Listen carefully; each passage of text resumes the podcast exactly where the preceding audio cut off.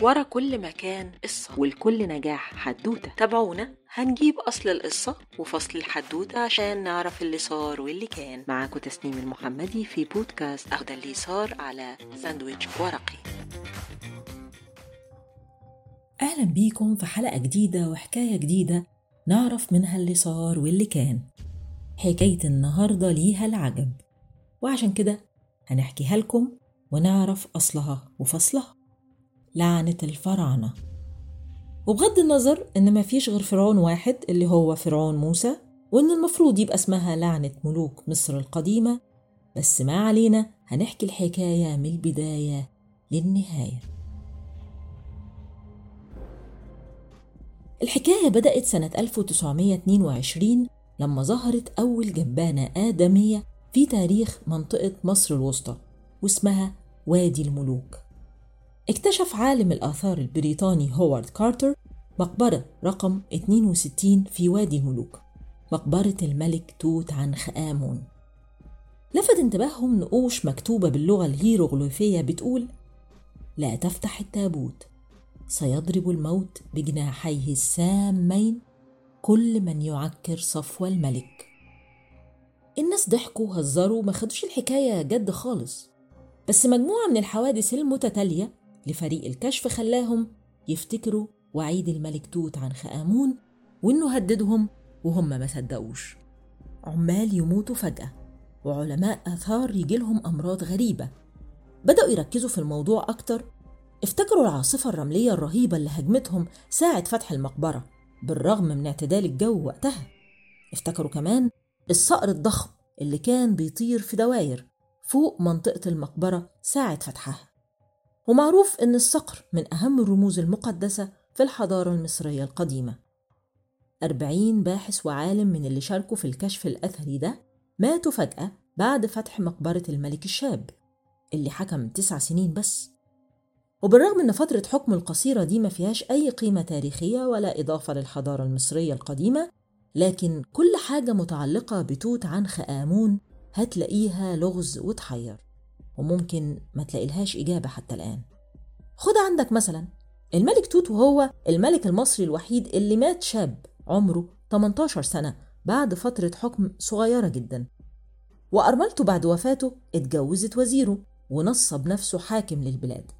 ولأن كالعادة التاريخ بيكتبه المنتصر فمحدش عرف ظروف وفاة الملك الشاب اللي وجدوا آثار كسور في عظام الفخذ والجمجمة للموميا بتاعته وده بيأكد إنه تعرض للاغتيال. لكن إزاي حادثة مهمة زي دي ما تسجلتش؟ كمان هو الملك الوحيد اللي لقينا كنوز مقبرته كاملة بدون أي تلف أو فقد. توت يبقى ابن إخناتون ونفرتيتي عثروا في مقبرته على 358 قطعة من توابيت وقناع ذهبي وتماثيل وحلي وجواهر وكرسي عرشه وعربيته الحربية ولبسه وكل مقتنياته. حياة كاملة كانت موجودة في المقبرة اللي اتفتحت ودخلتنا في عالم غامض عجيب اسمه لعنة الفراعنة. الغريب ما كانش في موت الأربعين شخص لكن العجيب في ظروف وفاتهم. بحوادث تافهة جدا ما تسببش الوفاة أصلا. الحكاية بدأت لما العالم هوارد اكتشف المقبرة في وادي الملوك بعد بحث استغرق ست سنوات كاملة. فبعت للورد كارنرفون ممول حملة الكشف عن الآثار. يبلغوا بالاكتشاف الرهيب ده. اللورد ما كدبش خبر وجاه هو وبنته على الأقصر عدل.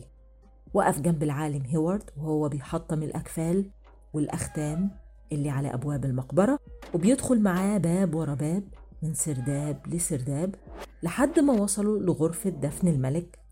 في نفس اللحظة دي كان في ثعبان كبرى وصل لبلكونة الأوتيل اللي نازل فيه اللورد وسمم بلسانه عصفور كناريا كان جايبه اللورد معاه من بريطانيا ومن صوت صرخة العصفور الرهيبة قدر العمال يدخلوا الأوضة ويقتلوا الكبرى وهم في ذهول. إزاي دي وصلت هنا؟ لما حكوا الحادثة للورد بعد رجوعه افتكر لحظة ما مسك قناع الملك اللي على تاجه كبرى ذهبية بتزينه. ما خدش في باله برضه وبدأوا يجهزوا للاحتفال بالكشف الأثري العظيم. كان من أحد مساعدين هيوارد أثري مصري اسمه محمد زكريا. فجأة حرارته ارتفعت وتوفي أثناء الاحتفال. وفي لحظة الوفاة الكهرباء اتقطعت والدنيا بقت ضلمة كحل. في اللحظة دي ربطوا الأحداث ببعض ونزلت الصحف البريطانية تاني يوم بمانشيت رئيسي لقد انتقم الملك. كان في حوادث متفرقة على مر التاريخ بتأكد وجود لعنة لملوك مصر القديمة لكن محدش كان بيصدق فيها وكانت بتصنف إنها مجرد سوء حظ مش أكتر لأن محدش كان عارف يقرأ اللغة الهيروغليفية ويفك رموزها لغاية ما عم شامبليون جه مع الحملة الفرنسية على مصر وعرفنا نقرأ كل رسائل المصريين القدماء لينا.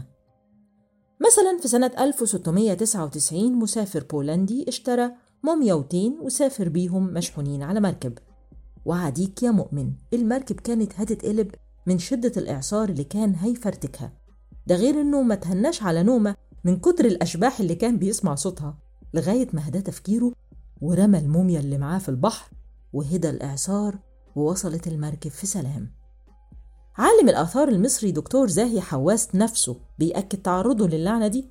لما نقل عدد من القطع الأثرية من الموقع اليوناني الروماني وفي نفس اليوم ده توفي ابن عمه وفي السنة اللي بعدها توفي عمه في نفس اليوم وتوفت عمته في السنة التالتة برضه في نفس اليوم. وده كان شيء عجيب لافت للنظر.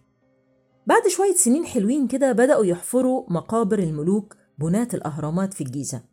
وهناك لقوا رسالة تحذيرية ما تقلش خطورة عن رسالة الملك توت مكتوب فيها كل من يقوم بدخول هذا القبر أو يقومون بأعمال شريرة تجاهه أو يدمروه فسيكون التمساح خصمهم في الماء والثعابين خصومهم في الأرض. قد يكون فرس النهر ضدهم في المياه والعقرب ضدهم على الأرض. دكتور زاهي حواس ما كدبش خبر وأخد الرسالة بمنتهى الجدية. قال لك يا عم الجماعة دول ما بيهزروش. وما نقلش أي موميا من مكانها عشان الموضوع يعدي بسلام. لأنه منساش معاناته في النوم والكوابيس اللي شافها لما نقل اتنين من المومياوات الأطفال من الواحات البحرية للمتحف. وطول الليل يا مؤمن طفلين بيصرخوا طول الكابوس لحد ما يصحى. وقتها قرر ينقل موميا والد الأطفال معاهم في المتحف وانتهت ساعتها الكوابيس. عرف وقتها إن من الأفضل إن المومياوات ما تتعرضش في متاحف والأحسن إنها تفضل مكانها اللي اتحطت فيه من وقت الدفن. بيحكي كمان العالم زاهي حواس عن طفل مريض بمرض عضال وطلب من أهله يزور المتحف المصري لأنه كان مولع بحب الآثار المصرية القديمة. وبالفعل راح المتحف ووقف قصاد مومياء الملك أحمس الأول وفضل باصص لعينيه فترة وبعدها خرج من المتحف. وكانت المفاجأة إن ربنا كتب له الشفاء بعد الزيارة دي. الأغرب بقى إن الطفل ده من وقتها بقى عنده قدرة عجيبة على قراءة كل النصوص المكتوبة باللغة الهيروغليفية على الآثار المصرية وخصوصا الخاصة بفترة حكم الهكسوس. ومحدش قدر يفسر الظاهرة دي حتى الآن. نرجع للملك الشاب توت عنخ آمون اللي مقبرته فتحت مجموعة من اللعنات طالت كل اللي إيده اتمدت على أملاكه المقدسة. قصة موت محمد زكريا بالحمى اتكررت مع كل العمال والمساعدين اللي شاركوا في فتح المقبرة. حمى بعدها وفاة سريعة. سكرتير هيوارد توفي بعدها فجأة ومن بعدها انتحر والده ويوم جنازته الحصان اللي بيجر عربية التابوت داس على طفل فقتله. سلسلة غريبة ومريبة من الأحداث المأساوية قدرت تشكل فكرة لعنة الفراعنة وخصوصا بعد وفاة اللورد كارنرفون بقرصة ناموسة في خده اليمين. ووفاة العالم البريطاني هوارد بسرطان الغدد الليمفاوية اللي مات بالحمى واللي اتقتل واللي فقد بصره واللي مات مخنوق في سريره ومحدش عرف مين الجاني. التفسير العلمي والمنطقي الوحيد هو إن المقبرة هواها فاسد بسبب قفلتها السنين دي كلها وبقت مليانة بكتيريا قاتلة هجمت كل اللي قرب منها. في تفسير تاني كمان بيقول إن المصريين القدماء برعوا في فنون السحر وممكن يكونوا سخروا جان لحماية مقابرهم من السرقة عشان يقدروا ينتقلوا بكل أملاكهم للعالم الآخر بسلام. موقع ناشونال جيوغرافيك بيأكد إن لعنة الفراعنة طبيعتها بيولوجية مش أكتر وإن المومياوات مليانة بكتيريا بتسبب ضيق التنفس ونزيف في الرئتين. بعد فترة من البحث والتمحيص عن حقيقة لعنة الفراعنة ظهر تفسير جديد بيقول بإنها بتحصل نتيجة لتعرض الأشخاص اللي بيفتحوا المقابر الفرعونية لجرعة مجثفة من غاز الرادون. ده واحد من الغازات المشعة وهو غاز عديم اللون سام لدرجة الهلاك. ولما بيتكثف بيتحول لسائل شفاف وبعدين السائل الشفاف ده يتحول لمادة صلبة معتمة متلألئة. والرادون هو أحد نواتج تحلل عنصر اليورانيوم المشع واللي بيوجد في الأرض بصورة طبيعية. كمان أظهرت تحاليل عينة الهواء الموجودة في فتحات التابوت لأي موميا مستويات عالية من الفورمالدهايد والأمونيا وكبريتات الهيدروجين وطبعا دي كلها غازات سامة. وجهة نظر تانية خالص بيتبناها مدير مركز الوثائق بمتحف النوبة الأثري المصري راجح محمد واللي بيأكد إن كل الحوادث دي قضاء وقدر. لكن الاحتلال البريطاني وقتها والميديا الإنجليزية نسجت كل الحوادث القدرية دي في شكل لعنات وبدأت توجه العالم إن أي كشف أثري في مصر هيتعرض القائمين عليه للهلاك. وبيستشهد في كلامه بالرحالة بورك هاردت اللي وجد معبد أبو سمبل أضخم وأكبر المعابد في بلاد النوبة. وقام العالم بلزوني بالكشف عنه والاتنين عاشوا حياتهم زي الفل ولا جرى لهمش أي حاجة بالرغم يعني إنهم أكبر من نهب وسرق آثار مصر وعمروا بيها متاحف إيطاليا وأوروبا كلها. خلاصة القول الجماعة دول المصريين القدماء يعني كانوا متقدمين جدا في زمنهم. وواضح كمان إنهم لسه سابقنا بآلاف السنين. خلصت حكايتنا النهاردة لكن لسه ما خلصتش حكاياتنا. تابعونا في أهو ده اللي صار على بودكاست ساندويتش ورقي.